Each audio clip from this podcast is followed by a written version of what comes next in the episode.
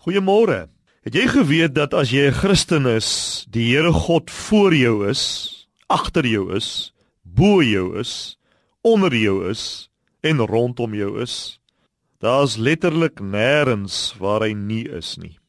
Ek lees in Deuteronomium 1 dat daar staan: Die Here, julle God, sal voor julle uitgaan. En in Jesaja 52 sê hy: Die God van Israel kom agter julle aan. En in Psalm 18 sê hy van bo af het hy sy hand uitgestrek en my gegryp.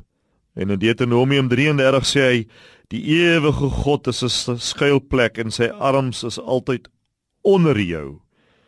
En in Psalm 125 soos daar berge is rondom Jerusalem, so is die Here rondom sy mense nou en vir altyd. Is dit nie wonderlik nie? As jy 'n kind van God is, weet dit, daar's nie 'n plekkie waar die vyand kan inkom nie, want jou God is voor jou. Jou God is agter jou. Dit wat nog nie gebeur het nie, dit wat in die toekoms lê wat voor jou is, is alreeds in sy hand.